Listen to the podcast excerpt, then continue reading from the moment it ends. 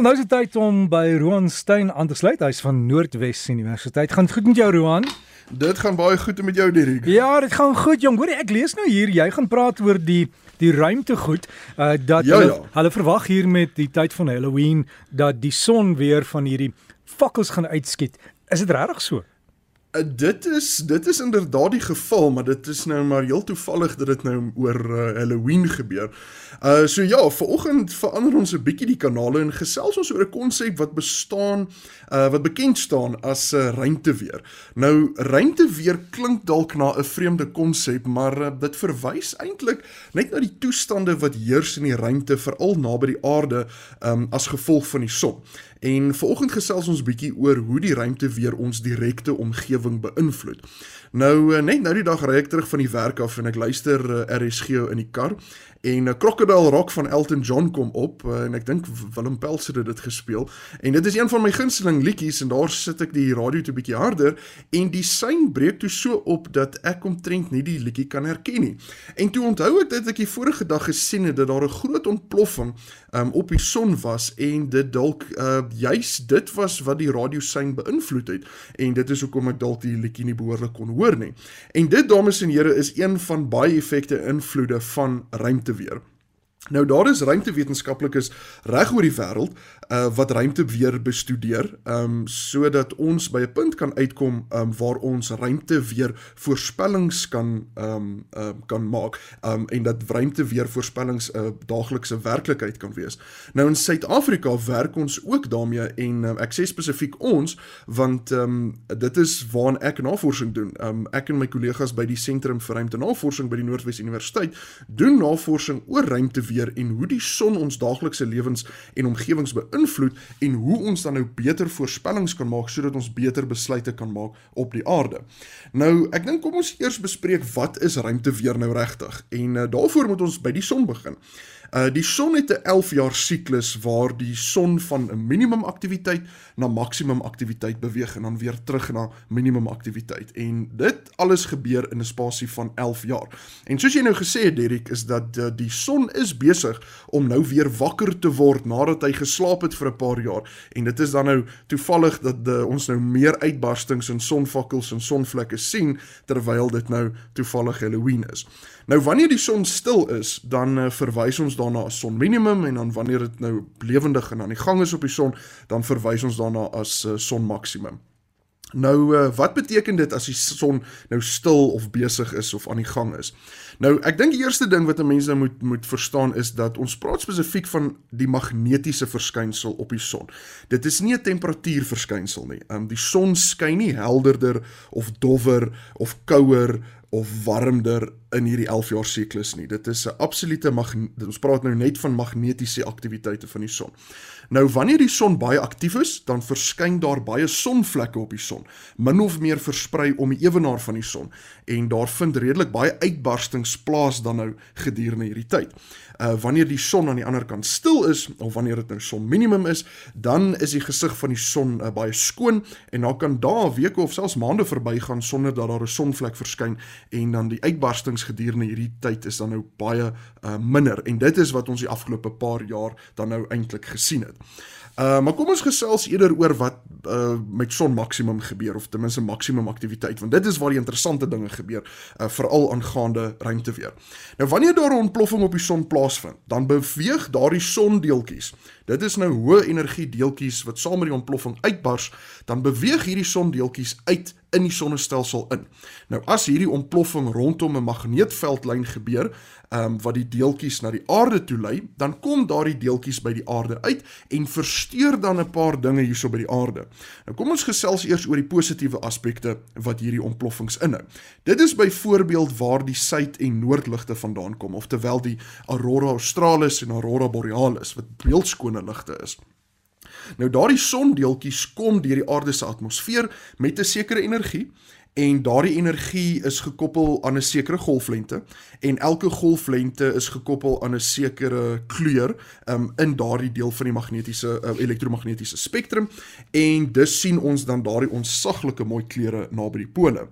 Nou die negatiewe aspek van so 'n ontploffing op die son is wanneer daai sondeeltjies by die aarde uitkom, dan versteur dit radiosyne geweldig baie. Hang hang af natuurlik hoe groot daardie ontploffing was en hoe direk die son en die aarde magneties gekoppel was, want onthou daai deeltjies uh, wat uitbars by die son volg 'n 'n magnetiese snelweg as dit ware om by die aarde uit te kom. En as die snelweg hierdie denkbeeldige snelweg net links of regs of bo of onder die aarde verbygaan, dan tref daardie deeltjies darm nie die aarde nie. Maar as hy dan nou gekoppel is, dan tref daardie deeltjies die aarde. En uh, dit versteur 'n paar dinge. Eerstens kommunikasie word beïnvloed. Uh veral um, hoë frekwensie ehm um, radio HF, VHF, IHF, die hoë frekwensie, baie hoë frekwensie en ultra hoë frekwensie radiokommunikasie en dan by implikasie word GPS toestelle ook beïnvloed. Ehm um, ek dink die maklikste uh om daaraan te dink is om weer eens soos aan 'n swembad te dink. Ons het die afgelope paar keer nou oor swembaddens gepraat. Maar die ionosfeer om die aarde buig radiosyne soos wat 'n swembad lig buig. So as 'n mens nou dink aan die swembad. Die ionosfeer buig radiosyne En wanneer die ionosfeer baie mooi stil is, kan 'n mens voorspel hoe die radiosyne gebuig word en jy kan dit natuurlik tot jou voordeel gebruik om vreeslik ver te kommunikeer, soos uh, uh skepe wat uh, op dis met mekaar kommunikeer op die oseaan. Maar dink nou net wat gebeur met 'n swembad wanneer ek 'n vreeslike groot rots of klip daarin gooi. Uh die, die dit is golwe en as dit mekaar spil en geen mens kan behoorlik sien wat op die bodem van die swembad aangaan nie. Ehm uh, want dit is net te woes. Nou dit is wat gebeur met die ionosfeer wanneer daar 'n groot ontploffing op die son was. Die kommunikasie word versteur want die ionosfeer is nou 'n deurmekaarspel en uh, dit versteur basies die kommunikasie en jou manier van kommunikeer en jy moet basies wag vir normaliteit om terug te keer voor jy weer behoorlik gaan kommunikeer. So mense sal sien dat internetkommunikasie word versteur, gewone kar radio se opvangs word versteur, vliegtuigkommunikasie, skipkommunikasie en dan GPS'e wat met 'n sat satelliet praat buite kan die ionosfeer. Ehm um, so basies wat baie keer kan gebeur is dat die GPS kan vir jou wys dat jy is nie besig om in die middel van die pad te ry nie. Jy is besig om blykbaar 10 meter links van die snelweg te ry in die gras. Ehm uh, maar ons weet natuurlik dit is nie waar nie. Dit is net die sein wat geskei word as gevolg van die versteurings in die ionosfeer. Nou een van die ander goeders wat ook kan gebeur is wat mense noem geomagnetiese geïnduseerde strome. Ehm um, dit hou byvoorbeeld 'n groot gevaar in vir elektrisiteitsvervaardigers want dit kan 'n kragstasie laat afskakel of trip soos wat mense in Engels sê as die storm groot genoeg is. En dit het al gebeur in lande naby aan die Noordpool soos byvoorbeeld Swede en Kanada. En hierdie lande gebruik op 'n daaglikse basis ehm um, gebruik hulle ruimteweervoorspellings om voorberei te wees om eerder die kragstasies of ten minste 'n gedeelte van die kragstasie af te skakel wanneer die storm verby verby die aarde beweeg. Baie soos wat jy jou TV of jou ehm um, jou internet ehm um, sou afskakel wanneer daar weerlig is en dan skakel mense dit weer aan na die tyd. Nou baie interessant is om so 'n bietjie na die geskiedenis kyk, Derek, daar was 'n baie bekende voorbeeld uh uit uh, 1859 wat bekend staan as die Carrington gebeurtenis. Dit was 'n massiewe ontploffing op die son wat reguit aarde toe gekom het en groot amok gemaak het. Onder andere het hulle auroras tot in die Bahamas gesien in die noorde en uh, en, en in Australië in die suide en ek sou glad nie verbaas wees as ons dalk in Suid-Afrika auroras gesien het in daardie tyd nie. Die probleem was in daardie jare het hulle baie morsekode gebruik en telegrawe gestuur en die aarde was basies gelaai gewees. Die toestelle waarmee hulle telegrawe gestuur het, het aanhou werk. Die die toestelle het aanhou uitsaai sonder dat iemand die fisiese knoppie gedruk het. En die probleem is As so 'n storm weer sou gebeur vandag en reguit aarde toe kom, dan uh, sal ons baie meer probleme hê as gevolg van ons afhanklikheid van tegnologie, want met so 'n gebeurtenis sal baie baie satelliete seer kry en dan by implikasie gaan daar 'n klomp van die toestelle op die aarde nie werk nie. En om net 'n voorbeeld te gee, uh, 'n paar jaar terug het so 'n storm uitgebars um, in die ekwatoriale vlak. Dit beteken dit was op in die aarde se vlak, maar hy het ons met 11 dae gemis um die storm het verby die die wentelbaan van die aarde gegaan 11 dae nadat die aarde daar was. So, jy weet hierdie goeters is nie onmoontlik nie. Nou ten slotte Derek, wat kan ons daaromtrent doen hierso op aarde? Wel, ek dink die eerste ding wat ons moet besef is dat uh sonuitbarstings hou nie enige bestralingsgevaar in vir mense op die aarde nie. Ons magneetveld om die aarde beskerm ons gelukkig nogal uh, sterk daarteenoor. Ehm um, die son is nou weer besig om wakker te word en ons gaan nou meer uitbarstings begin sien.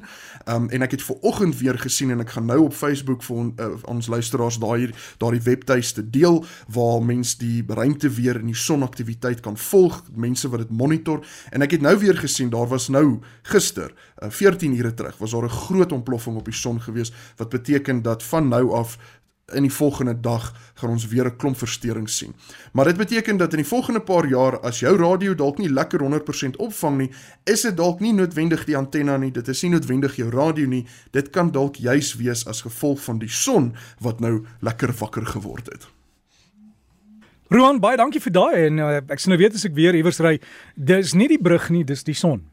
Wat die sein, wat die sein versteur. Inderdaad.